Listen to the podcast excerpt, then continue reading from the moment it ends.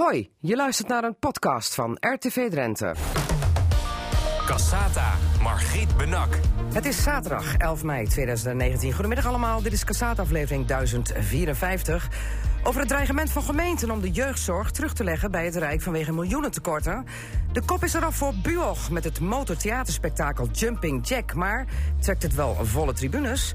Het Radioforum bespreekt het nieuws van deze week. En speciale tafelgasten is vandaag Jorneo-directeur Annemieke Smit. Want de krachten worden gebundeld in de voortdurende zoektocht naar pleegouders. Dat straks allemaal in Casata. Cassata, Margriet Benak. Radio Drenthe. Een toch wel ongebruikelijke stap deze week voor gemeenten om met een open brief in een landelijke krant te zorgen te uiten over de miljoenen tekort in de jeugdzorg en ook de psychische zorg. Met daarbij ook nog eens het dreigement: als het Rijk niet met meer geld over de brug komt of met voldoende geld, dan krijgen ze daar de hele bubs teruggegooid over de schutting. Robert Kleine, wethouder van Emmen en um, ja, in Drenthe, um, ja, ik zeg dan bijna portefeuillehouder binnen de Vereniging van Drentse Gemeenten Jeugd, of, of is dat niet zo? Nou, dat gaat een beetje te ver. Er zijn, Ja? er zijn onderdelen waar ik uh, namens een aantal collega's het woord voer. Maar Ja. echte portefeuillehouder ben ik niet voor heel Drenthe. Nee, maar alles wat u nu voor de microfoon van Casata zegt, geldt voor alle Drentse collega's. Nou, ik, ik zei net al even in het voorgesprekje. eh, We hebben deze week kun heel veel gesproken met elkaar. En ik kan me niet voorstellen dat de dingen die ik zeg, dat mijn collega's daar niet mee eens zijn. Oké, maar als je kijkt naar wat er deze week gebeurd is, toch ongebruikelijk, zo'n open brief Ja. richting het Rijk. Ook eh, dreigement om te zeggen van, eh, en als jullie niet met, eh, of als de boter niet bij de vis komt, dan krijgen jullie de hele bubs terug. Het betekent wel alle hens aan dek. Ja, kijk, deze, deze brief is natuurlijk wel een sluitstuk van een periode van een paar jaar waar we mee bezig zijn in het gesprek ook met het, eh, met het Rijk, zeg maar. Het komt ook voort uit, eh, uit de ledenvergadering van de VNG, eh, ook van vorig jaar, zeg maar. Vereniging van Nederlandse Gemeenten. Vereniging van Nederlandse Gemeenten inderdaad, waarbij we ook gezegd hebben van, ja, we willen best wel op een heel aantal fronten met elkaar samenwerken, maar je moet binnen het sociaal domein eerst een aantal dingen gaan oplossen. En als dan blijkt dat eigenlijk eh, de fase waarin we nu zitten nog onvoldoende eh, daar, daar een oplossing voor geboden wordt, dan, ja, dan denk ik ook dat het terecht is dat we met elkaar dit soort signalen gaan geven. Want er zijn miljoenen tekorten bij de gemeenten. Dat betekent dat gemeenten nu binnen begrotingen, want die moeten allemaal eh, weer klaar hè, di- dit jaar. Ja. De begroting, er wordt allemaal geld gezocht en het zijn allemaal miljoenen bezuinigingen. Dus zeggen jullie tegen het Rijk, kom met geld over de brug, want anders krijg je terug. Dat is wel heel zwaar dreigement. Dat, dat klopt, dat is een zwaar dreigement. En dat, dat, kijk, dat, dat komt ook natuurlijk ook wel door, andere oorzaken. Als ik dat er even bij mag betrekken. Eh, eh, wat je ziet is dat eh, het Rijk op dit moment miljarden overhoudt. En dat lijkt heel gunstig. Alleen als je dan even kijkt naar het principe waarop basis waarvan wij als gemeente geld krijgen, dan is dat op basis van trap op, trap af. En dat betekent op het moment dat het Rijk geen geld uitgeeft, eh, worden de stortingen in het gemeentefonds worden ook eh, lager. Dus het betekent, betekent eigenlijk dat aan twee kanten het geld minder wordt. Aan de ene kant doordat de storting in het gemeentefonds minder wordt. En aan de andere kant, als er dan onvoldoende bij jeugdzorg bij komt, eh, word je eigenlijk aan twee kanten krijg je nadelen, zeg maar. Dus je dat wordt dubbel genaaid, om het even plat te zeggen. nou ja, dat soort woorden gebruik ik dan, dan, dan even niet. Nee, maar, dat doe ik het. Dat doe ik het wel. maar dat betekent wel dat, dat als, je, als, als je dan even vooruit kijkt naar de meiCirculaire, dat dat perspectief daarop gewoon niet, niet positief is. Nee. En dan, en dan als, en Het als, ziet er slecht uit, met echt gewoon. Nederlands. Ja, en als je al ziet, eh, nou ja, kijk door Drenthe heen. Deze week de gemeentes Hoogveen en Assen natuurlijk in het nieuws over bezuinigingen. We hebben in Emmen natuurlijk in maart daar al een flinke discussie over gehad. Nou. En als daar dan nog, eh nog dubbel en dwas wat overheen komt, ja, dan, eh, dan moet je oppassen als willen, willen gemeentes niet failliet gaan, zeg maar. Nee. En daar, en daar zit denk ik de pijn ook richting jeugdzorg. Op het moment dat je nou niet in staat bent met elkaar om even wat rust te creëren, eh, financiële rust ook met name, eh, dan krijg je ook niet de kans om op inhoud met elkaar stappen te zetten. Want voor mij eh, horen inhoud en financiën altijd wel bij elkaar. Het gaat niet alleen maar om geld vragen, het gaat ook om rust krijgen vanuit het Rijk om samen met bijvoorbeeld Joneo, maar ook andere partijen eh, in, in Drenthe ook die stappen te zetten op de inhoudelijke ontwikkeling die je wilt doen. We gaan straks eh, uitgebreid verder praten over wat is nu het probleem precies bij de jeugdzorg en de gemeente. Wat is jeugdzorg en wat moet er nu gebeuren om die rust die u zo graag wilt te creëren en in ieder geval ook af te zijn van die miljoenen tekorten op de jeugdzorg. Want we gaan zoals altijd eerst naar de tafelgast en die heeft ook eigenlijk met jeugdzorg te maken, want dat is eh, directeur Annemiek Smit van Jorneo. Want eh, ja, die is weer belast met de portefeuille eh, pleeggezinnen. En daar gaat weer eens nieuws in, in, in komen. Want in die pleeggezinnen is altijd weer een tekort. En jullie gaan, Annemieke Smit, gezamenlijk met organisaties nu een wervingsactie met de krachten bundelen. Toch? Zo zeg Dat je het goed? Ja, zeg je helemaal goed. Want wat is er mis nu? Wat is er mis? We werken te veel naast elkaar. En we, doen, we, zijn, we hebben vier pleegzorgaanbieders in Drenthe. Eh, naast Joneo kennen we ook Timon, we kennen Leger des Hels en we kennen de William Schrikker pleegzorg. Ieder met een eigen doelgroep. En eh, we doen veel hetzelfde en we denken dat als we meer hetzelfde samen gaan doen, eh, dat het wat efficiënter kan. En dat we uiteindelijk meer potentiële pleegouders gaan vinden. Samen doen, efficiënter, maar dan denk ik toch niet dat dat meteen meer pleegouders oplevert. Nou, weet je, als je iets start, is het nooit morgen meteen een resultaat. Dat hoeft ook niet. Eh, maar we, we gaan wel van start, want als je nooit start, gaat er niks veranderen. En we hebben gezegd, wat we in ieder geval samen gaan doen, is dat we samen pleegouders willen werven. Dus we willen samen op zoek naar eh, pleegouders. Want het maakt ook niet uit, hè, we hebben gewoon een maatschappelijke verantwoordelijkheid. Het maakt niet uit wie waar pleeggezin gaat worden. We hebben allemaal pleeggezinnen nodig. Maar het gaat wel even, eh, voor alle duidelijkheid, om een gezamenlijke wervingsactie in Drenthe. Dat klopt. We richten ons op Drenthe. Eh, want dat is een goede vraag. Hè? Want als je kijkt naar Timon en het Leger des Heils en naar de Willem Schrikker Pleegzorg, dat zijn landelijke organisaties. Ja, daarom. In andere regio's doen ze ook gezamenlijk eh, op een aantal plekken een aantal eh, dingen. En wij gaan het samen in Drenthe doen. Ja, en als we het hebben over pleegzorg, hoe groot is nu het aantal wat nu pleegzorg biedt aan, aan ouders of, of pleeggezinnen? Nou, we hebben zo'n 460 pleegouders in Drenthe. En als je kijkt hoeveel pleegkinderen er zijn, dan zijn dat ruim rond de 500.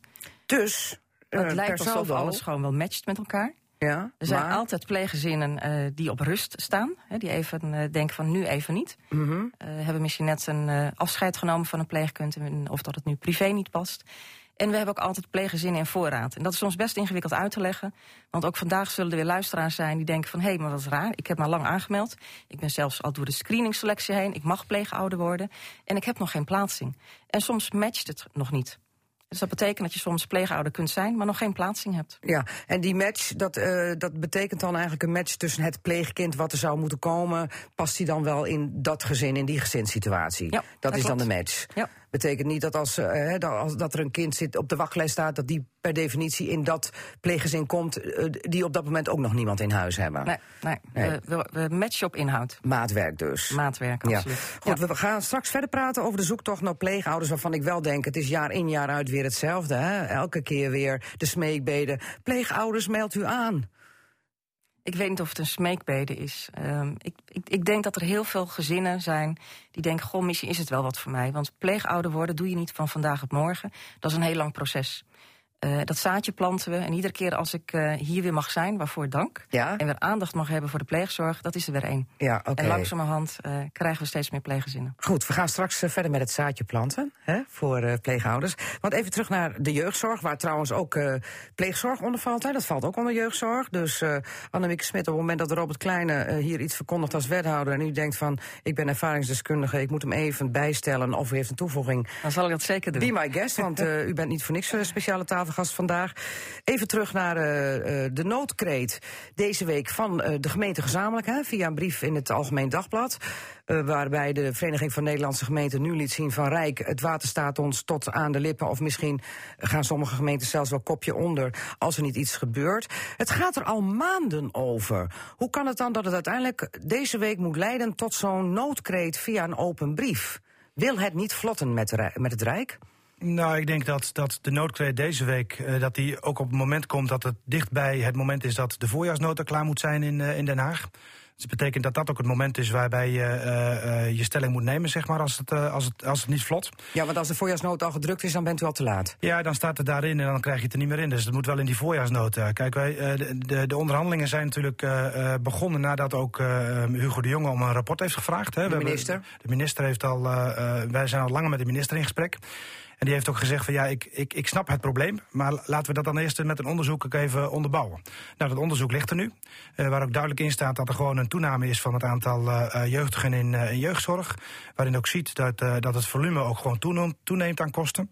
Dus volgens mij ligt er nu gewoon ook echt concreet bewijs dat het nodig is dat er geld bij komt. Ja, maar even over de cijfertjes. Hè. Als we alles bij elkaar optellen, dan hebben we in Drenthe te maken met 12 gemeenten die gezamenlijk een tekort hebben van 22 miljoen. Vorig jaar hadden wij als Drentse gemeente samen 22 miljoen tekort. En dat loopt alleen maar op, want bij Assen is het alweer bijgesteld. Want die kwamen eerst uh, bijna 6 miljoen tekort en die zitten nu al dik, of, uh, ja, die zitten nu al dik over de 6 miljoen. Hoe zit ja, het in Emmen? Nou, die, die, cijfers heb ik niet, uh, niet paraat. het lijkt erop dat wij enigszins stabiliseren, omdat wij vanaf dit najaar ook al wat, wat maatregelen aan het aantreffen maar zijn. wat is het tekort bij Emmen? Nu nog steeds 6,5 miljoen op basis van, ook, van net ook, als, van vorig jaar. Maar dat hebben wij natuurlijk wel bijgeplust in de begroting. Alleen ja. dat moet je ergens anders vandaan halen. Ja, maar 22 miljoen dus qua tekort in eh, de provincie Drenthe. En landelijk gezien eh, zit, het miljoen, zit het tekort bijna op een, op een miljard. 1,2 miljard. 1,2 miljard. in die, 1,2 miljard. ja, richting die kant gaat het inderdaad. En, het, en het is nog niet. En, en, eh, had je er maar zicht op dat het eh, aan het bijstellen was, maar het groeit nog steeds. Dus het betekent dat ook het vooruitzicht eh, niet, niet positief is in dat, in dat Ja, verhaal. maar het gekke is nu dat in 2015 de gemeenten die taak van jeugdzorg,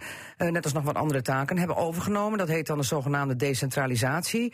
Ehm, met daarbij ook nog even een, een bezuiniging. Klopt. Kijk, als je, hem- als je hem inhoudelijk bekijkt, ben ik absoluut voorstander van om jeugdzorg bij de gemeentes onder te brengen. Omdat je. Toch wel, want dat is ja, het absoluut. Eh, omdat je veel dichterbij eh, zit. Hè. Als je het, hoe verder je het wegorganiseert, hoe verder je van de gezinnen af zit, van de kinderen af zit. Ja. Dus, dus inhoudelijk ben ik absoluut voorstander van deze eh, beweging. Maar ik moet er wel even, even de kanttekening bij maken. Want het was niet bij het Rijk. De provincie was verantwoordelijk voor de jeugdzorg. Dus zo ver weg was het nou ook weer niet bij ons in Drenthe.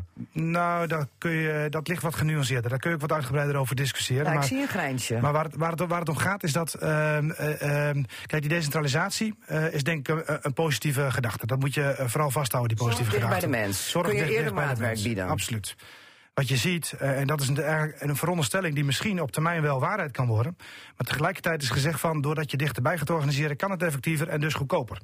En, Oh, misschien, dus. en, en misschien kan dat uiteindelijk ook wel, maar daar heb je wel tijd voor nodig. Nou, maar dan zit je nu wel totaal aan de andere kant als het gaat om het kan goedkoper. Absoluut. En efficiënter. En ik denk ook wel dat het nog beter kan. En ik denk ook, en dat is ook wat ik net zei, je moet inhoud en financiën echt aan elkaar gaan koppelen. Want ik besef mij ook wel, we kunnen niet alleen maar geld aan het Rijk vragen. We zullen ook eh, in afstemming met het Rijk, maar vooral in Drenthe, eh, tussen de twaalf gemeentes en ook de aanbieders die hier in Drenthe rondlopen, vooral afspraken maken hoe we de inhoud beter gaan doen. Hoe we toch eh, die oorzaken van die tekorten wat meer gaan aanpakken. Ja, want als ik nu kijk naar hoeveel eh, eh, het aantal zorgvragen gestegen is binnen de jeugdzorg, heb ik eerder het idee dat men denkt van, oh, het is nu lekker dichtbij, het is allemaal wat makkelijker. We indiceren al sneller in de, in de zwaarste categorie en we indiceren ook sneller, alsof kinderen eerder gelabeld worden. Het is dichtbij en het is gigantisch gestegen. En dan denk ik, het kan toch niet zo zijn dat in een paar jaar tijd de problemen onder de jeugd zoveel groter zijn geworden? Nee, eens. Je hebt je huiswerk goed gedaan, want dat zijn twee van de belangrijke eh, oorzaken. Aan de ene kant, eh, ju- juist doordat die grens wat dichterbij komt, kun je net misschien wat makkelijker zeggen van mijn kind moet, eh, moet geholpen worden en ik vind dat het via jeugdzorg moet. En dat zie je zelfs ook, ook op. op onderdelen als, eh, als onderwijs, educatie en dat soort zaken, zeg maar. Ik bedoel, ik, ik baal ervan als een stekker dat er volletjes op scholen rond, eh, rondslingeren bij op, op scholen waar huiswerkbegeleiding aangeboden wordt met een onderste zinnetje, kun je aanvragen via de jeugdwet. Dan denk ik van volgens mij eh, slaan we dan door met elkaar. Dus dat wordt dan ook al onder de jeugdzorg gebracht, Nou ja, huiswerkbegeleiding? dat, dat wordt in ieder geval een poging gedaan om dat eh, via eh, indicatie op dat daar te krijgen. Zeg Het pakket maar. wordt dus steeds breder gemaakt. Precies, precies. En, dat is, dat is, en als je het hebt over het normaliseren, wat is nog normaal? Ja. Een, een, druk kind, een druk kind heeft niet altijd per definitie ADHD, kan ook gewoon een druk kind zijn. Ja. Eh, Vroeger dat- waren we gewoon inderdaad drukke kinderen. Dat soort discussies moet je ook gewoon met elkaar gaan voeren, denk ik. Ja. En, en het andere wat je zegt inderdaad is dat eh, eh, er soms wel te snel gekozen wordt voor zwaardere zorg. Ja. Dus het betekent ook dat je aan de voorkant, eh, denk ik, de expertise van de specialisten ook, eh, ook naar de voorkant moet brengen om ervoor te zorgen dat je een goede indicatie krijgt. Ja, want ik heb gezien niet- dat tussen die zwaarste, de, het zwaarste niveau en het niveau wat eronder zit, toch al, al snel over honderden euro's eh, verschil praten eh, per geval. Nou ja, de, de, de, Per indicatie. de, de zware gevallen praat je soms al over 100.000 euro. Ja, Eh, ja, maar ik heb het dan over eh, per maand, eh, geloof ik. eh. ja, precies. Maar dat, dat zit, zit een groot verschil in, inderdaad. Ja, Absoluut. ja, dus, eh, dus met andere woorden, eh, ik, ik heb begrepen dat al sneller het principe nu wordt gehanteerd better safe than sorry. Ik denk dat dat een van de oorzaken is van de tekorten. Ja. Dat je, als, je, als je dan toch de ruimte hebt, dan kies je maar voor het zware. Waardoor je in ieder geval eh, niet later aangesproken wordt daarop. Ja, goed. Maar dat is een probleem dat eigenlijk bij jullie ligt, waar jullie verantwoordelijk voor zijn en waar jullie dan tegen moeten zeggen van jongens, eh, het moet even een tandje zachter. Ik denk dat we daar gezamenlijk verantwoordelijk voor zijn. Ja. Ik denk dat eh, er zijn natuurlijk heel veel verwijsroutes zijn. Je hebt de huisartsen, je hebt de toegang bij ons in Emmen, maar ook, ook de toegangsorganisatie van de andere gemeentes. Maar je hebt ook de verwijsmogelijkheden van, de, eh, van specialisten bij de aanbieders zelf, die ook mogen eh, eh, verwijzen bij de ge- gecertificeerde instellingen Ja, ja. bijvoorbeeld. Maar wat ik dan niet snap, dat waren toch vroeger ook de verwijzers eh, als het gaat om eh, het, ver- het verlenen van eh, jeugdzorg. Denken die van, eh, nou ja, goed, bij de gemeente. en voor een deel zijn hetzelfde verwijzers. Ja, Ja. Ik denk wat we zien is dat, kijk, je wil aan de voorkant graag eh, de goede dingen doen. En dat betekent volgens mij niet alleen maar altijd dat we het dure zorg inzetten, maar het gaat erom dat je op het goede moment de goede zorg inzet. Ja, ja. En als je dat niet op het goede moment doet, krijg je daardoor onnodig dure zorg. ja, maar waar het goede moment wordt dat nu dan niet te vroeg gekozen, eh, kennelijk, als je niet ziet dat niet het altijd. Het, nee? het is ook nog wel aan de andere kant. Hè. Ik denk, wel zorgaanbieders hebben gezegd... het zou heel mooi zijn als we veel meer onze expertise mogen toevoegen... aan en het voorliggend veld, maar ook aan de verwijzers. En Niet te ingewikkeld hoor, mensen moeten het wel blijven snappen. Het is heel goed altijd, het is jij dat weer zegt. Ja. Als we het bijvoorbeeld hebben over de welzijnsorganisaties... Hè, van waar lichte vorm, waar lichte hulp wordt geboden... ehm, op het moment dat het daar ingewikkeld wordt... hoeft het niet per se de overgeschakeld of overgenomen worden... door een specialistische zorgaanbieder. En zou het heel mooi zijn dat wij gewoon expertise mogen toevoegen. En dat daardoor juist de hulp kan blijven worden geboden... door die welzijnsorganisatie. Ja, dat en niet, hetzelfde eh, geldt voor de toegang. Ja. Want als je het in de M over de toegang hebt, zou het heel mooi zijn als we nog meer expertise mogen toevoegen. En dat we kijken van, hoe kunnen we elkaar helpen om op het juiste moment de juiste zorg in te zetten. Goed, maar dat is een probleem waar nu naar wordt gekeken. Want de Drentse gemeenten hebben gezamenlijk gezegd... wij gaan dit eens even heel goed analyseren. Want het probleem ligt ook daar, bij Ja, onszelf. zeker. Maar aan de andere kant, jullie hebben wel vanaf 2015 de jeugdzorg... eh, ik zeg het even plat over de schutting gegooid gekregen. Iedereen wist ook dat het ging gebeuren. Hè, dus jullie konden hier ook naartoe eh, voorbereiden. Maar laat onverlet dat daarbij wel even een fikse bezuiniging eh, daarnaast is opgelegd, toch? Van 450 miljoen euro? Ja, 15 procent, dat is ongeveer dat bedrag Ja. inderdaad. En, en, Ja. er, en er komt nog wel wat bij. En dat maakt het Maar, nog, wa- maar nog- nog, even vraag erover. Was het dan slikken of stikken? Want dan had ik gezegd van, nou dan hou je het maar lekker in je eigen portefeuille, want we willen niet die korting hebben. Want dat, dat wreekt zich nu dus. Ik durf het eigenlijk niet met zekerheid te zeggen of het slikken... Ik was toen nog geen wethouder, dus Nee, ik ben dat weet ik, maar toch. ik zit even te twijfelen of het slikken of stikken was. Dat zal ongetwijfeld niet zo zijn geweest. Want dan Het had ik als gemeente eh, gezegd van, nou we willen het best doen, maar wel met hetzelfde budget. Het zal ongetwijfeld de overtuiging toen de tijd zijn geweest dat het kon. Op dat, eh, Ja, omdat men dacht, het eh, kan goedkoper, bedrag. maar nu dus niet. Precies, Ja. precies. Dus het, eh, nee, we- weet ik niet. Nee, maar goed, het betekent dus wel dat je nu eh, al met een achterstand begint als gemeente, financieel gezien. Ja, en er komt nog wat bij, hè? Eh, want eh, je liet me net ook dat op opiniestuk in de, in de krant zien van de week... als het gaat om het verschuiven van geld naar, naar het westen. Ja, maar daar hebben de, de, de luisteraars niets aan. Ik ga maar even, even, even daarop op door. Daar staat namelijk, de Randstad loert op schaars jeugdzorggeld. Want du moment dat er dus extra geld van het Rijk zou komen...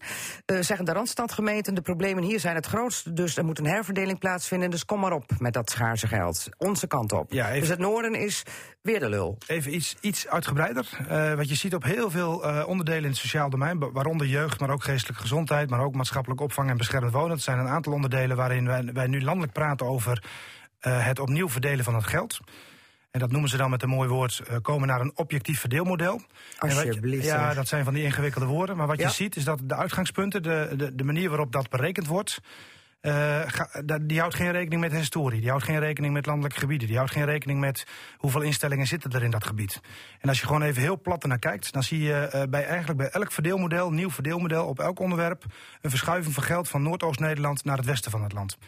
Eh, De uitgangspunten die gekozen zijn voor die verdeelmodellen zijn zodanig dat het eigenlijk altijd nadelig is voor het noorden en het oosten en eh, voordelig is voor het westen. Dus kortom, als er straks extra geld vanuit Den Haag zou komen... dan dreigt het ook nog zo te zijn dat het niet deze kant op komt. Dat is een dreigement wat er ook nog onder ligt inderdaad, waardoor Ja, het nog slechter wordt. Ja, maar dat, eh, die, die, die, dat staat niet in die landelijke brief van de Vereniging van Nederlandse Gemeenten. Dat dat dan voor het noorden ook nog heel onzalig zou kunnen uitpakken. Nee, de brief van de, eh, van de Vereniging Nederlandse Gemeenten gaat heel expliciet over jeugdzorg en Ja. over de geestelijke gezondheidszorg. Ja. Op andere tafels wordt over die verdeelmodellen gesproken. Daar hebben wij uiteraard ook vanuit het noorden trekken we daar samen in op. Dus nog een Eh, probleem erbij dus voor jullie. Ja, het, het wordt er allemaal niet makkelijker. Oké, even nog voor de mensen die denken jeugdzorg is allemaal leuk en aardig. Nou, één gradatie van die jeugdzorg is dan eh, onder meer pleegzorg, hè? pleeggezinnen, pleegouders.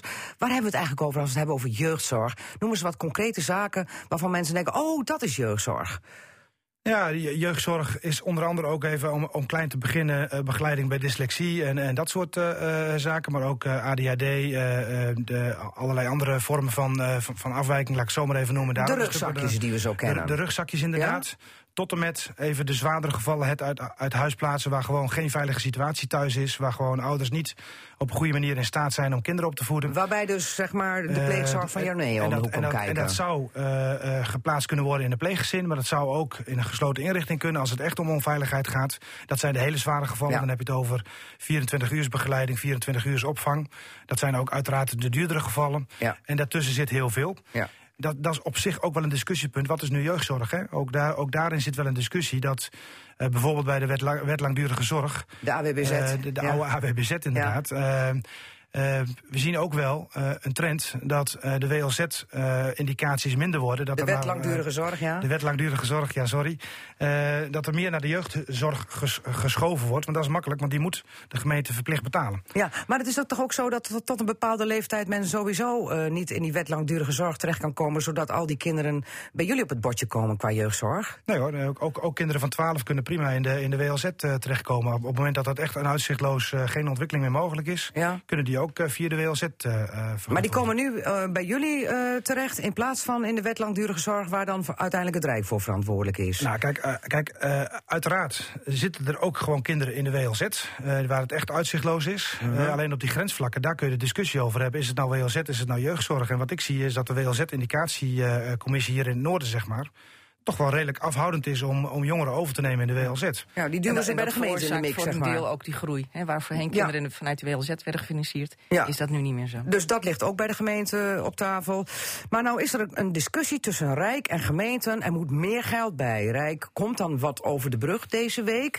Woensdag heb je dan eh, die open brief, noodkreet, dreigement terug te leggen bij het Rijk. Rijk komt s'avonds met de toezegging: we gaan ehm, eh, honderden miljoenen er extra insteken. Hoeveel precies was het? Nou, de, de, eh, in, in de media circuleren nu getallen van 350 miljoen. Ja, eenmalig en dan de jaren jaar. daarop 190 En de, en miljoen. de jaren erop nog een beetje erbij. En dan zeggen de gemeenten: nee, veel te weinig. Dat is te weinig, dat klopt. Ja, zeker, ja. zeker, en dat is, dat is denk ik in essentie waar het over gaat. Eh, zeker voor de komende drie tot vijf jaar hebben we gewoon meer no- nodig om die, eh, om die financiële rust te creëren. Om niet Ja. vanuit politieke druk, vanuit andere dom- domeinen de druk te hebben op jeugdzorg. Je moet echt financieel even rust krijgen, zodat je ook de inhoud samen met aanbieden, samen met de gemeentelijke verantwoordelijkheden ook een aantal stappen kunt zetten in die, eh, in die Ja, ontwikkeling. want jullie als gemeente eh, zitten nu die begrotingen rond eh, te breien. om die miljoenentekorten uit jullie begroting weg te poetsen. Waardoor andere zaken in de gemeente onder druk komen te staan. Bibliotheken worden dan wegbezuinigd. Cultureel, op cultureel gebied kan er niks meer of nog maar heel weinig. Wijkenonderhoud wordt weer bezuinigd. Stratenonderhoud. Kortom, ehm, zeg maar, de gemeenschap moet weer bloeden voor iets wat de, het Rijk nalaat. Kan ik het zo zeggen? Nou ja, kijk, eh, als gemeente hebben wij het, het nadeel, wij moeten een sluitende begroting hebben. Ja. Dus dat betekent als je tekorten hebt, moet je gewoon die oplossen. En Ja, dat betekent als je het geld moet ergens vandaan komen. En als je het niet krijgt van het Rijk via het gemeentefonds, dan moet het er ergens anders vandaan komen. Ja. Dus dat betekent, net als thuis, kun je in de gemeente elke euro maar één keer uitgeven. Ja, Ja, maar dan zegt het Rijk van, eh, nou ja, los het dan maar binnen je eigen begroting op. en dat is de discussie die wij met het Rijk Ja. hebben. En Wij dan vinden, zeggen jullie, dat dan vinden wij onterecht. Ja, en dan zeggen jullie van, nou ja, als jullie geen boter bij de vis eh, doen, dan krijgen jullie jeugdzorg terug. Ja, dat Hoe, zeggen wij. hoe hard, ja, met een grijns, dat zeggen wij. Het is een dreigement, maar hoe serieus is dat? Ja, die, die, die is ingewikkeld. Want wie is daar nou mee bij gebaat? Nou, ik denk kinderen niet. Eh, Nee, daarom en We juist. hebben natuurlijk een jeugdwet waar het uit voortkomt. Eh, maar goed, er zijn ook hele, heel veel andere eh, domeinen waar we ook nog samenwerking moeten gaan vinden met het Rijk. Waar ook nog vanuit het VNG geen handtekeningen onder staan. Eh, dus Oh, dat is ook je, nog een stok eh, achter de deur. weet je, dus, eh, er zijn natuurlijk een aantal voorwaarden gesteld vorig jaar bij de ledenvergadering van de Vereniging Nederlandse Gemeenten, wat ik net al zei. Samenwerking op andere termijnen wel, maar eerst even zorgen dat we het eens worden over de tekorten binnen het sociaal domein. Even deze vlek wegpoetsen. Ja. Ja. En dat betekent dat dit signaal nu helder daar ligt. Nou, de vraag is even. ja, maar hoe helder is helder? Want als je dan 's ochtends met een open brief in het Algemeen Dagblad komt... en s'avonds is er ineens geld... Is, is dat dan, dan een poging van het Rijk om toch even de druk van de ketel te halen? Nou, dat denk ik wel. Ja, maar Ja. niet genoeg dus. Nee, absoluut niet genoeg. Nee, en oh, dan moet u wel eigenlijk de poot op het gas houden en zeggen van volgende week moet er meer boter bij de vis, want anders gaan we het echt teruggeven. Nou, er zijn twee dingen die nu Of gebeuren. durf, durven de gemeenten nou, dat dat niet? denk ik wel. Eh, kijk, nou, de, de, de vraag is even of je een wet zomaar terug kunt draaien. Dat is natuurlijk een hele ingewikkelde. Maar wij hebben ook begin juni weer onze ledenvergadering van het VNG. En ik kan je garanderen dat dit thema eh, breed ook weer op de agenda staat... om toch die druk erop Ja, maar u zei het zelf ook al, ik denk niet dat het kind erbij gebaat is. Klopt. Dus grosso modo, conclusie hier van dit alles. Wat is dan de enige oplossing? Ja, en geld erbij en een inhoudelijke verandering met elkaar eh, in, eh, in Drenthe... maar ook in de rest van Nederland. Ja, ja, dus ook naar je eigen eh, winkel kijken. Zeker. Hoe moet het anders? En wat is voldoende? Hoeveel Ja, geld moet erbij? Ik denk dat je, dat je ervoor moet zorgen dat de financiële rust komt. Dat er op zijn minst, Ja, dat weet ik, maar op zijn minst de tekorten gedekt worden. Dus als je, als je kijkt naar het, het totaal in, in Nederland, dan zit je toch wel rond die miljard hoor. eh, wat, er, wat er nodig is, eh, op zijn minst incidenteel. Om- Ik zag dat iemand van VNG zei, 490 miljoen, daar zijn we wel tevreden mee. Ja, maar goed, dat is, eh, ook, ook daarin zit natuurlijk is helft maar, Ja, denk dat ik dan. Dat weet, dat weet ik. Maar Ja. Je, ik, ik vind dat je financiële rust moet hebben. En ik denk dat je eh, ehm, dat prima kunt verdelen in structureel eh, eh, eh, 400, 500 miljoen. En incidenteel een aantal andere bedragen om, om de rust voor de komende drie tot vijf jaar eh, te maken. Zodat je die eh, ontwikkeling ook, ook kunt maken. Oké, en zo niet, dan gaat het terug naar het Rijk. Of dan komen er wachtlijsten voor de jeugdzorg. Ja, als zo niet, dan zal, zullen de gemeentes daar hun eigen keuzes in moeten maken. En per gemeente kun je daar weer andere keuzes in maken. Ja, Ja, wat zou u doen? ik vind hem ingewikkeld. Ja? Harmke Vlieg van Assen heeft al eens gedreigd van... we proberen alles aan de voorkant op te lossen. Maar mocht het toch niet kunnen en komt er niet genoeg geld... dan heb je straks misschien een wachtlijst. Nou ja, ik- kijk, ik denk dat je wel drempels moet gaan, eh, eh, gaan, gaan in, eh, inbouwen als het gaat om de toegang tot de jeugdzorg. Ja, dus aan de voorkant preventief. Ik denk dat aan de voorkant het, het zeker begint. Ja. En je zult afspraken moeten maken en, met, met elkaar in de rente, ook tussen gemeentes en aanbieders, hoe je daar de grip op gaat krijgen. Een, een duidelijke deadline, is die er voor het Rijk? Ja, voor de voorjaarsnota. Voor de Dus voorjaarsnota. bi- Binnen nu en een paar weken moet het rond zijn. Oké, goed. Eh, eh, druk op de ketel dus eh, op het gebied van jeugdzorg bij het Rijk. En of die druk zo hoog wordt dat het hele dossier jeugdzorg straks weer in Den Haag belandt, eh, dat gaan we zien. Robert Kleine, dankjewel voor je komst en succes ermee. Dankjewel.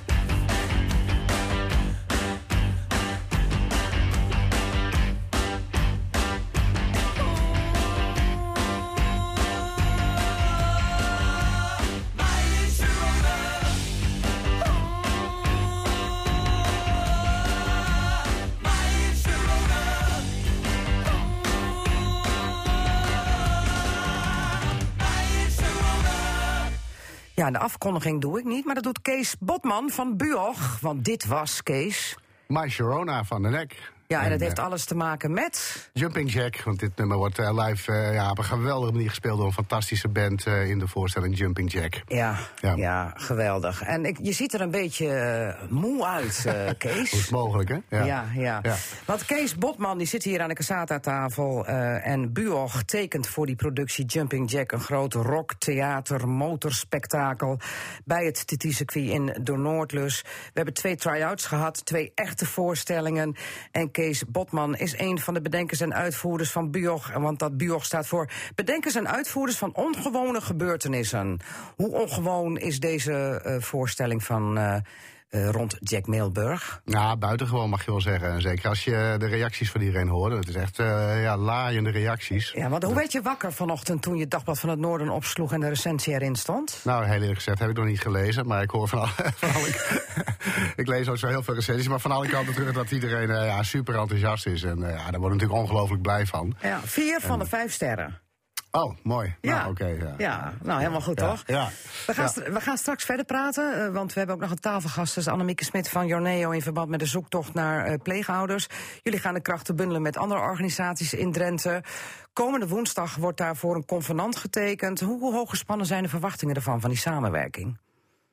Ehm, hoog. Ja? Ik denk dat we echt gaan komen tot eh, nog meer pleegouders. En dat het vooral voor potentiële pleegouders veel makkelijker wordt om geïnteresseerd te raken in de pleegzorg. Ja, want anders eh, belanden ze misschien in een, eh, een woud van aanbieders. Bij wie moet ik me nu melden? Jullie doen het nu gewoon en we, en we gaan het nu echt gewoon samen doen. Hè. Dus we gaan inderdaad onze informatiebijeenkomsten gaan we gezamenlijk organiseren. Daarin vertellen we wat over de vier verschillende eh, pleegzorgaanbieders. En daarmee kan ieder ook een eigen kleur kiezen. We denken van, hé, hey, daar pas ik goed bij, die kant ga ik op. Ja, want was het anders elkaars concurrent zijn? Nou, zo voelt het nu niet meer. Ik denk dat het vier jaar geleden misschien nog wel een beetje zo voelde. Het was een beetje kijken van hoe gaan we doen met elkaar hier in Drenthe. En eh, we maken ook nu best wel gebruik van elkaars pleeggezinnen. Als we een aanmelding krijgen, we denken van hé, hey, goh, we hebben geen geschikt gezin. Laten we eens even kijken of de andere pleegzorgaanbieder iemand heeft. Dus we weten elkaar een stuk beter te vinden. Ja. En wanneer ben je een geschikt pleeggezin? Ja, dat is een hele leuke. Ehm, in ieder geval als je ruimte in je hart hebt. Je hebt ruimte in je hart nodig om iemand toe te laten in je gezin. Om samen ook voor dat kind er te zijn. En dat geldt niet alleen voor eh, de pleegmoeder of alleen maar de pleegvader. Dat geldt voor beide pleeg, pleegouders, maar ook zeker voor het hele gezin. En want ook de kinderen, de eigen kinderen in het pleeggezin, krijgen er iemand bij in huis. Want even voor de goede orde, eh, als mensen denken een pleeggezin... dat wil niet zeggen dat het gewoon een ouder echtpaar is... wat kinderloos is en, en, Nee. en een pleegkind in huis neemt. Maar het gaat ook om eh, mensen die al een gezin hebben... en die kan. daar ruimte in hun hart hebben voor nog een kind erbij. Ja, ja, dat kan. En we hebben heel veel smaken. Hè. Dat kan, het kunnen ook eenoude gezinnen zijn. Alleen een vader, alleen een pleegmoeder. Eh, het kunnen een man-man, vrouw-vrouw. We hebben alle soorten en smaken aan pleeggezinnen hebben. Dus dat kan. Dus naast, en naast de ruimte in je hart heb je ook ruimte ook in huis nodig. Hè. Fysiek op een gegeven moment bij een bepaalde leeftijd hebben kinderen ook een eigen kamer eh, nodig. Eh, wat belangrijk is, is dat je ook ruimte aan alle andere belangrijke mensen voor het pleegkind ook ruimte kunt geven. Want een pleegkind heeft gewoon heeft ouders. Ehm, en het is geen adoptie. Het is niet zo dat het kind eh, eh, dat jij voogdij of voogd van het kind wordt of ouder wordt van. En ook daar heb je ruimte voor nodig. Ja, dat betekent dus dat je als eh pleeggezin ook ruimte moet bieden... aan eh, de biologische ouders om er nog contact mee te hebben. Ja, wij noemen dat ouders, want biologische ouders. Dat, Ja, eh, nou ja, ouders. Oké. Ja, Ja, om het ja. even te benoemen hoe het dan Ja, zit. wat het anders- verschil is. Ja, oké. Goed. klopt. Ehm, jullie gaan woensdag ehm, het convenant ondertekenen tussen die organisaties. En de gemeenten zijn daar ook bij betrokken. Ja, we hebben de gemeente uitgenodigd daarbij aanwezig te zijn. De wethouder van de gemeente Noorderveld, Jeroen Westerdorp, gaat er ook een officieel tintje aan geven. Want leg even uit, wat is dan de link met de gemeenten? Want we hadden het net over jeugdzorg Ja. in het algemeen en alle zorgen daaromtrent. Ja. Nou, ook de, de gemeenten hebben een groot hart voor pleegzorg. Willen graag samen met ons kijken wat zij erin kunnen betekenen. Dat we meer pleegouders gaan vinden. En eh, Jeroen Westerdorp is in die zin wel een beetje een ambassadeur. Die heeft pleegzorg echt in zijn hart opgenomen. Dus vandaar dat hij een speciale rol ook heeft. Nou, misschien heeft Jong Westendorp thuis wel eh, ook nog ruimte dat zou en ook een best plekje kunnen. in Ik zijn hart. dat woensdag eens vragen. Ja, eh, doe het. ja. Goed, ehm, we, we gaan na één uur straks toch verder praten over toch die bijzondere samenwerking. Maar ook terugkijken naar het verleden. Dat jullie toch al verschillende acties hebben gehouden. Om ehm, toch meer pleegouders op de wal te slepen. Eh, ik wil graag weten wat dat dan heeft opgeleverd. En hoe het kan dat je dan toch elke keer, elk jaar weer opnieuw op zoek moet naar nieuwe pleegouders. Ja. Want eh, we gaan even eh, naar het TT-circuit. Daar komt hij geloof ik zelf vandaan, Kees Botman. Want heb je je tent opgeslagen op het TT-circuit? nou, de camping erachter op Witte Zomer staan we. Een paar weken al, ja. Ja, alsof het een echte TT is, zeg maar, maar dan eh, van twee weken. Ja, we zijn al een aantal weken natuurlijk eh, met heel veel mensen aan het monteren. En, eh, dus eh, ja, en dan elke nacht naar huis rijden, dat is op een gegeven moment grote gevaarlijk. Dus we blijven daar gewoon en, Ja. met zondag. Ja. Dus jullie hebben echt letterlijk en figuurlijk de tent opgeslagen rond het TT-circuit vanwege het grote project Jumping Jack. Hè, het grote thea- wat, is, wat is er nou eigenlijk? Want het, de ene noemt het een musical, de ander noemt het een rockspektakel. Eh, ik vind het een theater, rock en eh, motorspektakel. Het is gewoon buitengewoon, zeg maar. Buitengewoon ongewoon. Ja, m- motormuziektheater hadden we op een gegeven moment bedacht. Maar dat vonden we zo'n vage term van wat is dat dan weer? Ja, dat is ja. natuurlijk ook een beetje lastig uit te leggen. Wat is het eigenlijk? Maar spektakel is inderdaad wel een goed woord ervoor. Want eh, ja. van het begin tot het eind eh, raast de voorstelling door. Ja, Ja, het, het raast, er zit een tempo in en er zit ook een snelle muziek in en een rockmuziek. Maar Sharona van der Nek hebben we er niet voor niets net gedraaid hier in Casata. Hebben jullie bij deze productie, toen jullie eraan begonnen, wel eens gedacht van... Oh mijn god, hoe maken wij hier echt een prachtig stuk van... daar in die Noordlus bij het TT-circuit en dat alles klopt? Want er zitten zoveel ingrediënten in. Ja, nou, kijk, die ingrediënten die komen op een gegeven moment wel voor. Maar kijk, waar wij, zijn begonnen is natuurlijk het verhaal. Van, hè, het theater gaat natuurlijk altijd over eh, de mens en niet over de dingen eromheen. Dus die gebruiken we allemaal. Maar het gaat om de mens. En toen we eh, bij Jack Middelburg uitkwamen, wat een heel amabel mens is geweest, dachten we, ja, dit is het verhaal eigenlijk. En die beelden die komen naar want ze, ze gingen bijvoorbeeld altijd eh, racen van Finland naar Roemenië.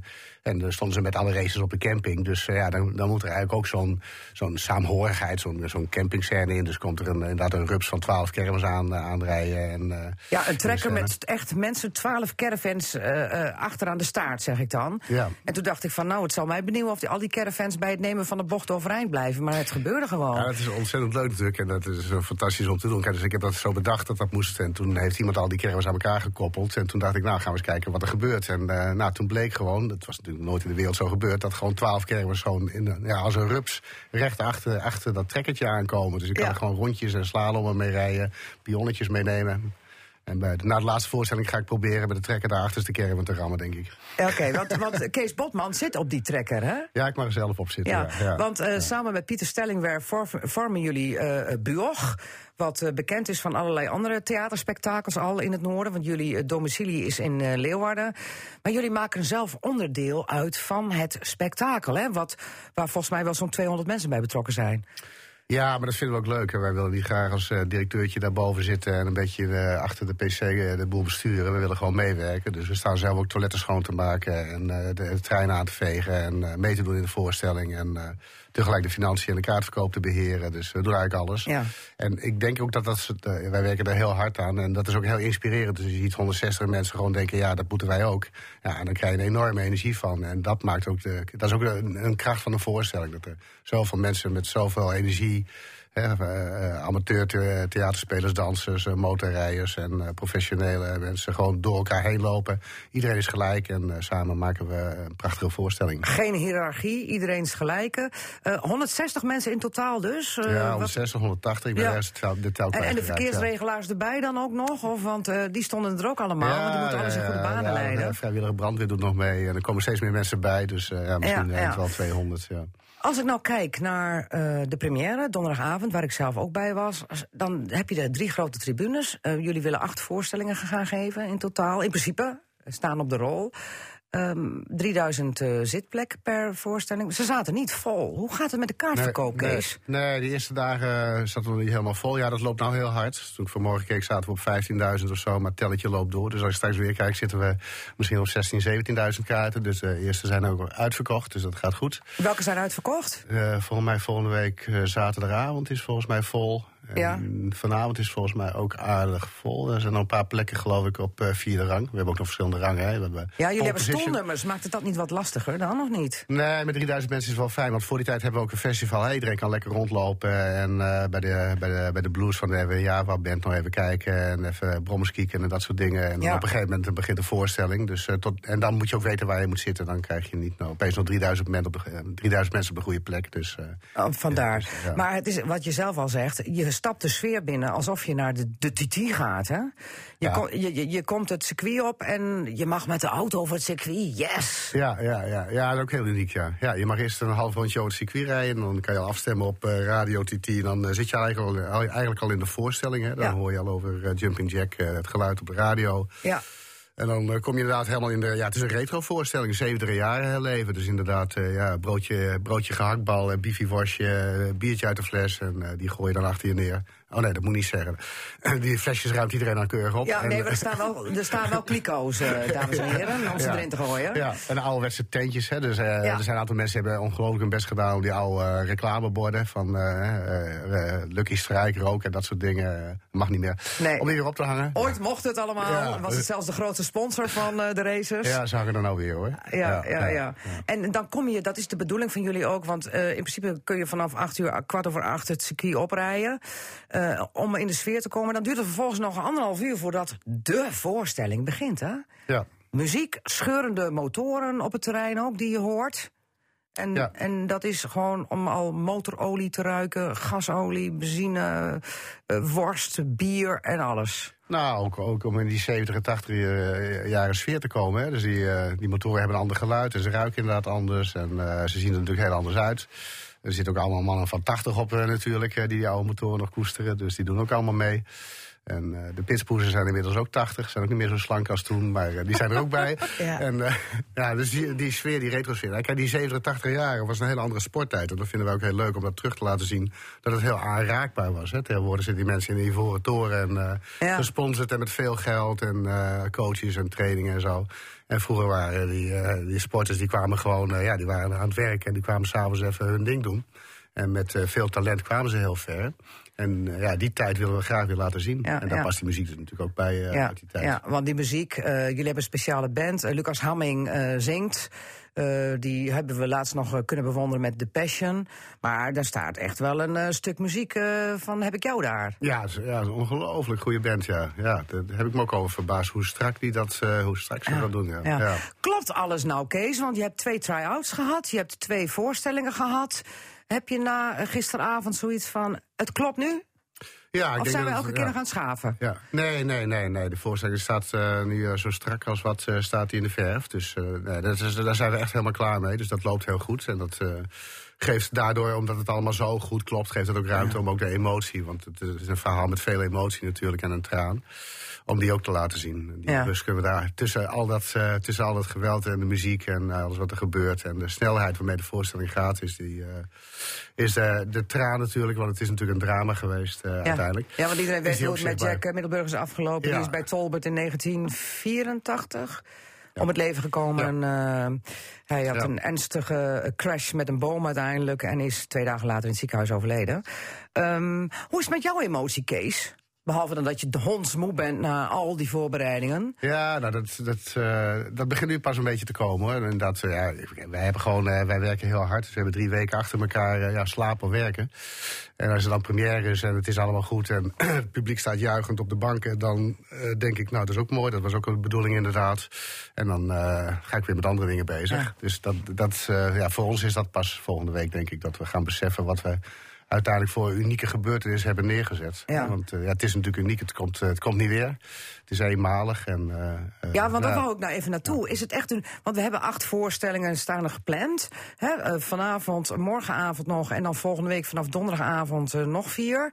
Dan hebben we er acht gehad. Maar jullie hebben toch twee op de achterhand? In totaal tien? Ja, we hebben inderdaad, als de kaartverkoop zo doorloopt zoals nu, hebben we inderdaad nog hebben we achter de hand volgende week, of na volgende week hebben we nog een paar dagen staan, waarbij iedereen rekening heeft gehouden met die dagen. Wanneer is dat dan? Dus dat is, die extra voorstellingen? ehm, nou, dat is, dat weet ik zo niet uit mijn hoofd. dus daar kom ik zo even op terug. Eh, maar dat is eh, dus na volgende week. ja. Dus eh, volgende week tot en met de 19e gaan we nog door. En dan die weken na, die, eigenlijk wel bij die donderdag, vrijdag hebben we Ah, nog oké. staan. Maar wanneer is het moment daar dat jullie daartoe besluiten? Moet dan alles echt, die acht uitverkocht zijn? Nou, of de, nou ja, de, ja. De, de zes nog te gaan? Ja, nou, dat kan zijn dat we dat, dat, we dat nu zondag of maandag beslissen. Dus dan komen we wel even terug. Dan, En dan, dan Ja. melden we dat in de vak. eh, ja. Maar het had weinig gescheeld, Kees. Of Ja. jij zat hier niet. Want donderdagavond zat ik te kijken naar een mannetje in een rood overalletje... eh, die een, eh, een gemotoriseerde zeepkist aan het draaien was. En die vloog eh, ergens tegenaan en die vloog eraf en de strobalen in. Dat was jij. Ja, ja, ja. ja. Hoe, hoe is dat Ja. afgelopen met je? Nou, ik heb hem al eerder op twee wieltjes gehad, maar eh, toen, was er nog, eh, toen was er nog geen publiek bij. Maar, eh, wel een heel soort geschok- bakfiets is dat, hè? Gemotoriseerde Ja, bakfiets. het zijn een paar oude bakfietsen die we tot zeepkist hebben omgebouwd inderdaad. En beplakt met Sunlight stickers. Wa- Maar, eh, ja, waarom ja. is dat trouwens? Even voor duidelijkheid. Nou, de- in het verhaal eh, is eh, de kleine Jack, toen, die, toen Jack een klein jongetje was, had hij in de zeepkist in Naaldwijk een grafzerk omver gereden. Dus nou, toen was hij al aan het racen dus, in een zeepkistje. Ja. Dus ik wou er een zeepkistenrace in hebben. Ja. Nou ja, wat is een zeepkist, dat weet niemand. Dus ik heb gewoon een hele grote kist om een, om een bakbrommer heen gebouwd. En sunlight stickers erop geplakt. En dat is voor mij een zeepkist. Ja, ja. Nou en daar lag je mee omver. Maar hoe is het nou met jou afgelopen? Ja, een beetje gekleurd en een beetje blauw. Maar nou ik zei al, ik voel niet zoveel. Dus dan, dat ook maar even niet. Oké. Eh, nog ehm, zes voorstellingen te gaan en misschien wel acht. En dan zen even, kort. Ja, dat is een goed idee, ja. ja dan Ja? Even, eh, even afbreken en op vakantie, ja. ja. Oké. Goed, eh, eh, er zijn nog kaartjes voor vanavond, een paar. Mensen, wees erbij. Veel rockmuziek. En neem er even de tijd voor, want je komt niet eerder dan 11 uur s'avonds weer het terrein af. Maar je kunt ook nog nagenieten van lekkere rockmuziek. Want er staat ook nog een lekker bandje te spelen. Kees Botman van Buog. Van buitengewoon uitzonderlijke gebeurtenissen maken we van. Dank voor je komst en succes. En zometeen het vervolg van Casata. Blijf luisteren. Altijd in de buurt. Radio Drenthe. Radio Drenthe, Cassata. Het is bijna zes minuten over één alweer. Welkom bij het laatste half uur van deze Cassata-aflevering 1054. Met zometeen het radioforum over opvallende kwesties uit het nieuws van deze week. En met Annemiek Smit van Jorneo als speciale tafelgasten. En dat heeft alles te maken met een gezamenlijke wervingsactie... voor nieuwe pleeggezinnen in Drenthe. Margriet Benak. Radio Drenthe. Annemieke Smit, we hadden het net in het eerste uur al uitgebreid over... dat jullie eh, 460 pleeggezinnen hebben in Drenthe... en eigenlijk 500 pleegkinderen. Dan zou je bijna denken van, eh, oké, dan zit er dus een groep van 40 niet in een pleeggezin, want er is een tekort.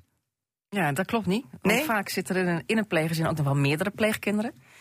Maar we willen, en dat is altijd wat lastig uit wat ik net ook deed. Hè. Kijk, ik denk dat we eh, in al onze vier organisaties samen... eh, ik denk dat we nu met ongeveer tien kinderen echt aan het zoeken zijn... wat is de beste plek. Eh, Ja. Dus dat aantal vast, valt best mee. Dus 10 probleemgevallen waar nu niet een goede plek voor is. Nou, ik zou het geen probleemgevallen Nou noemen. ja. Dat, zijn, nee, maar dat, dat klinkt dramatischer. Ja. Hè? Maar dat, dat zijn wel kinderen waar we nu mee bezig zijn om de goede plek te vinden. Ehm, vanuit het verleden, een aantal, twee, drie jaar geleden, was het ons spannender. Dus in die zin hebben we wel meer pleegouders eh, waar we het makkelijker mee kunnen matchen. Dus de situatie is er beter op geworden. Hij is wat stabi hij is stabieler geworden. Oké. Het, het grote gat wat we toen hadden, dat is minder geworden. Maar wat we wel zien, en dat is wel een punt van zorg, is dat veel pleegouders uiteindelijk wel stoppen. En dat is jammer. En landelijk is er nu een actieonderzoek eh, om eens te kijken van hoe kunnen we voorkomen dat pleegouders gaan stoppen. Want waarom stoppen ze dan? Wat, wat voor reden geven ze aan? Ja, dat zijn allerlei redenen. Eh, het, is, eh, Noem eens wat. het, is, het is intensief. Hè? En als, Ja. je dan, als er dan extra zorg geregeld moet worden, gaat het niet altijd even makkelijk. Ehm, wat, wat pleegouders ook zeggen, is dat soms hele praktische dingen soms nodig hebben die helpen dat ze het kunnen blijven doen. Stel dat je het heel druk hebt en eh, er is wat extra zorg nodig voor het pleegkind, gaat het misschien wel om huishoudelijke hulp. Dat je dat soort zaken makkelijk kunt gaan regelen. Ja. En makkelijk kunt gaan onderzoeken van nou, hoe doen we dat dan even snel? Ja. want uiteindelijk eh, is Nederland wel een heel regelland. En. Het is soms een hele lange weg. Eh, en we proberen dat zo goed mogelijk met elkaar te doen, maar dat lukt nog niet altijd. Nee, maar er komen dus meerdere zorgen bij, wat dus lastig te regelen is, waarvoor mensen dan denken van, nou, het, het kost me te veel moeite en tijd. Ja. Ja.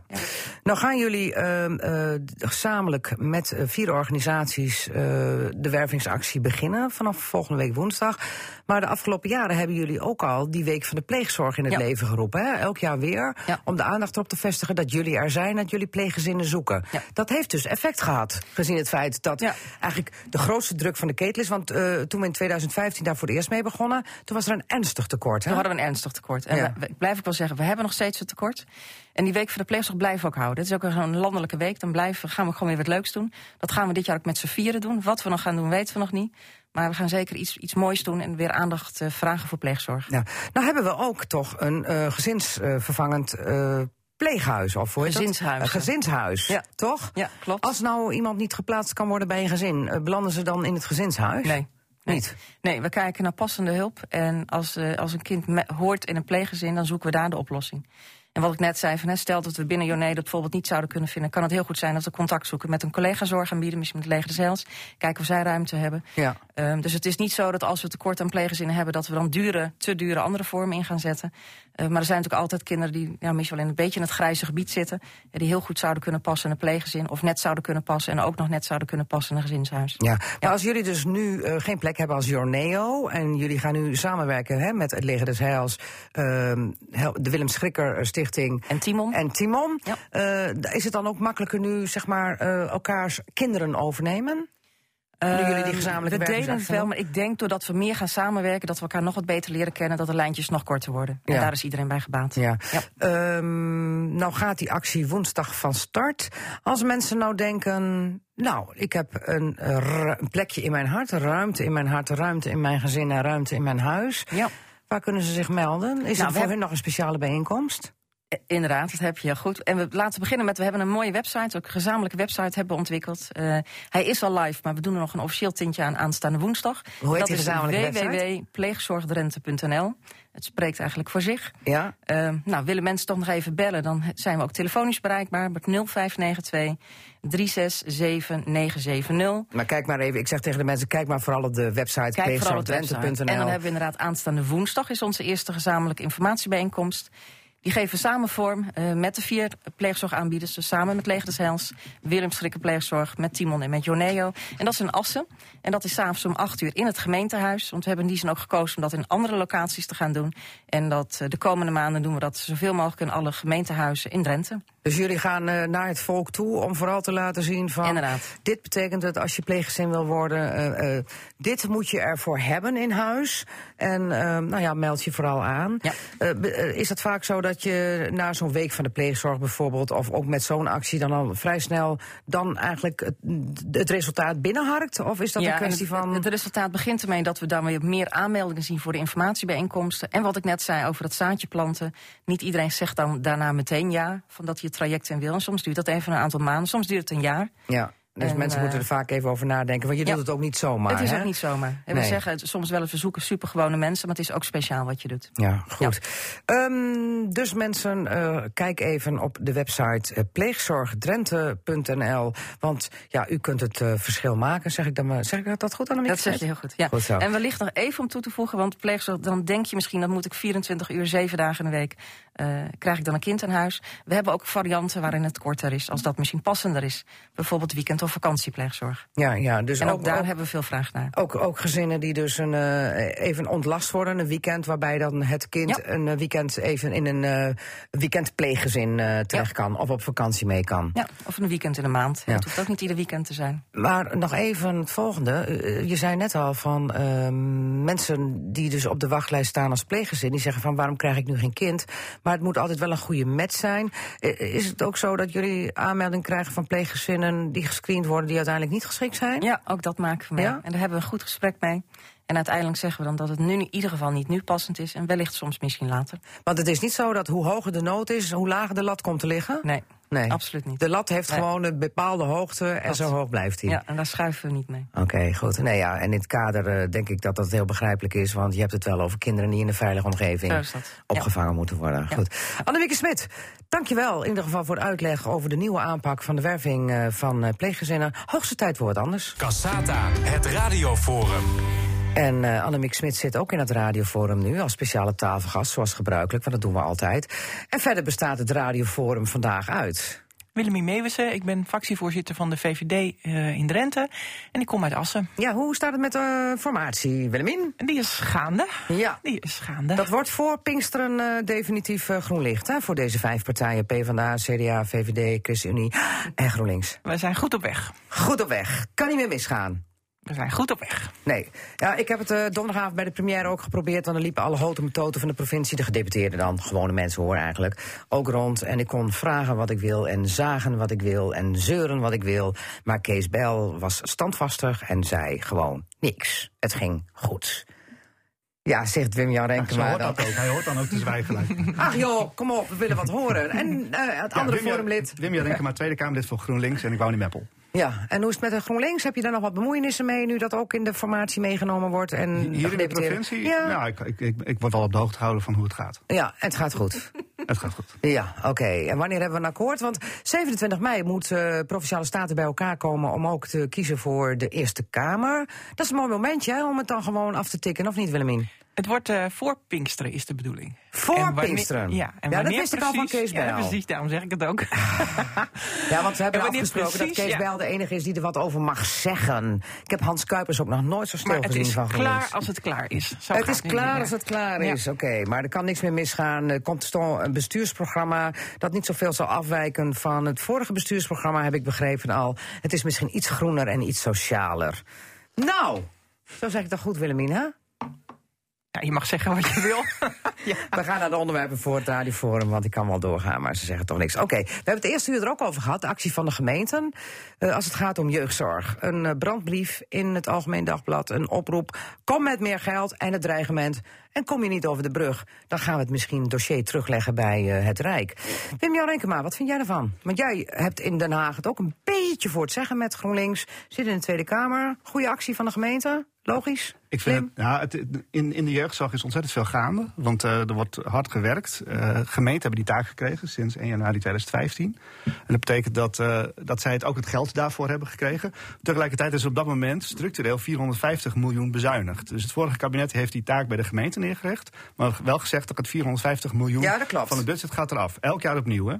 En eh, dat betekent dat heel veel gemeenten nu er tegenaan lopen dat, dat nu ze het uitvoeren, dat ze een, een, een groot financieel Ja, probleem dat hebben we net in het eerste uur helemaal al besproken. Wat vind jij nu van die actie van de gemeente dat ze zeggen... boter bij de vis, anders krijg je het hele dossier terug? Nou, ik vind het uiterst begrijpelijk van de VNG en van de gemeente dat zij nu even met de vuist op tafel slaan en zeggen van zo, kan het niet. Ik wil wel bij aantekenen, het gaat niet alleen om geld.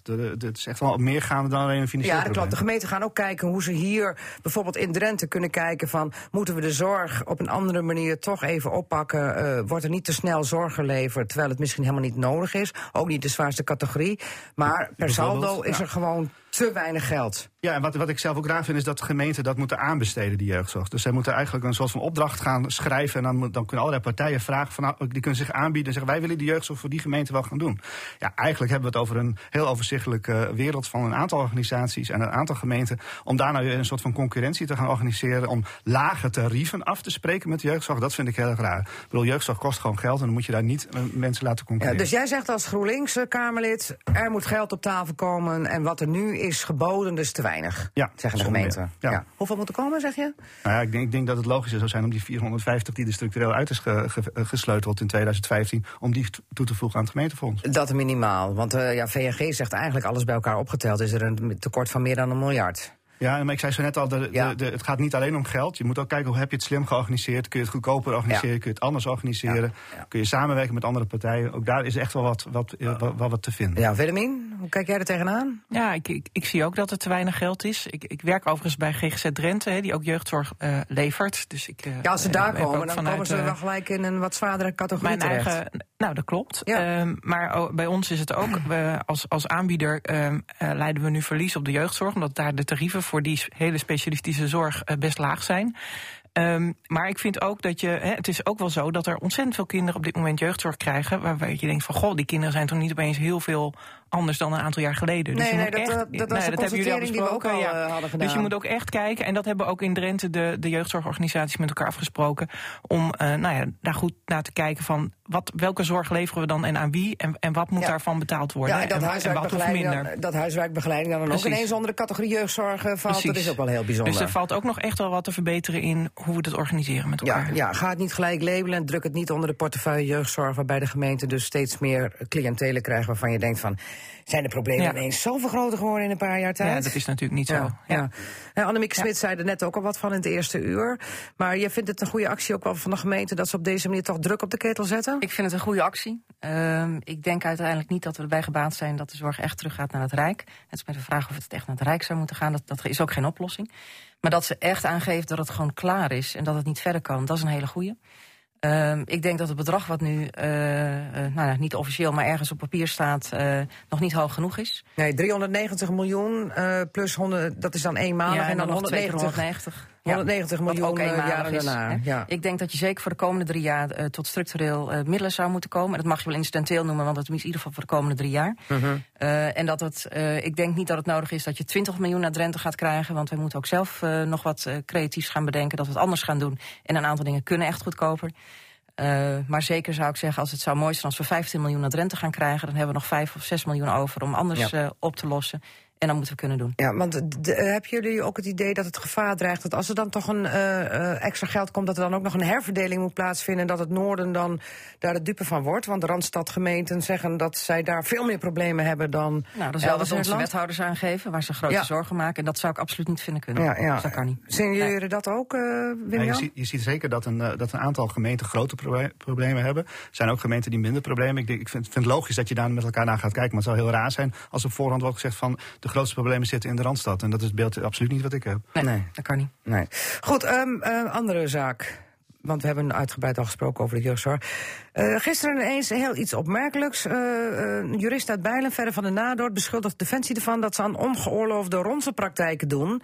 Als het gaat om werving van eh, de jeugd voor eh, Defensie. Want eh, ja, we weten allemaal dat Defensie schreeuwt om personeel daar.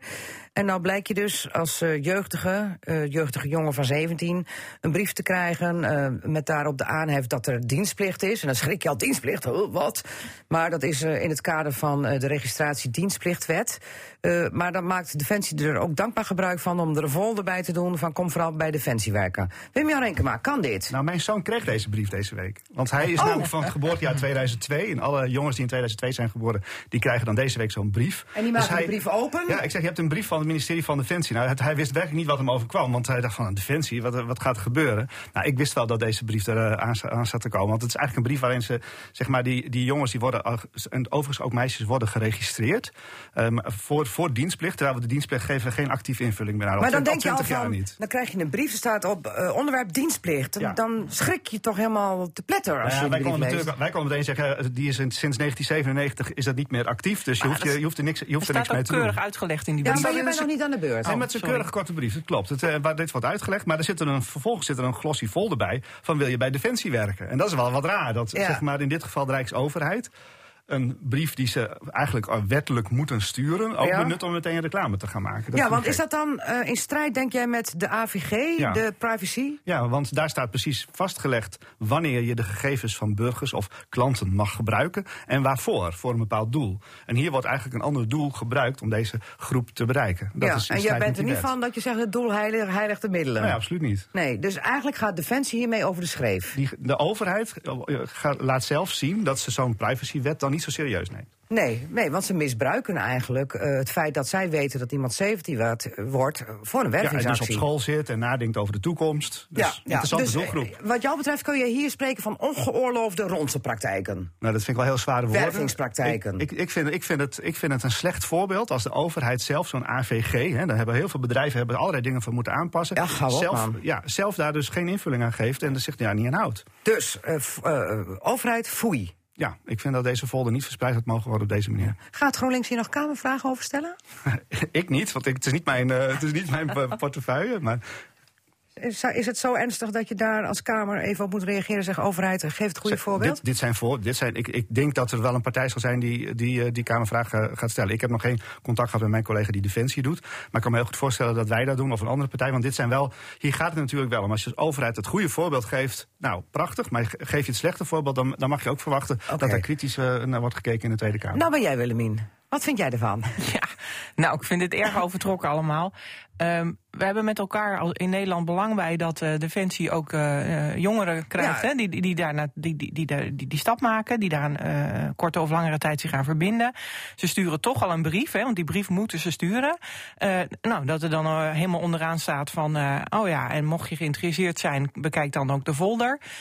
Ja, daar heb ik toch helemaal geen moeite mee. En dan denk ik, ja, die AVG, nou ja, hè, daar kan je helemaal, ook in mijn organisatie, man, man, man, wat een werk hebben we daarvan en wat een flauwe Ja, kul maar, maar levert jij dat moet je toch ook bij GGZ Ik aan de regels houden? En Ja, waarom maar- Defensie dan maar- niet? Maar ik vind ook dat we die wet onder de loep moeten nemen. Als die op deze manier wordt uitgelegd, dan moeten we naar die wet kijken. Want ik vind het echt, het, het gaat veel te ver. We zijn met z'n allen helemaal doorgeslagen daarin. Maar ik denk dat eh, bedrijven eh, misschien ook wel graag die adresgegevens willen hebben van die 17-jarigen.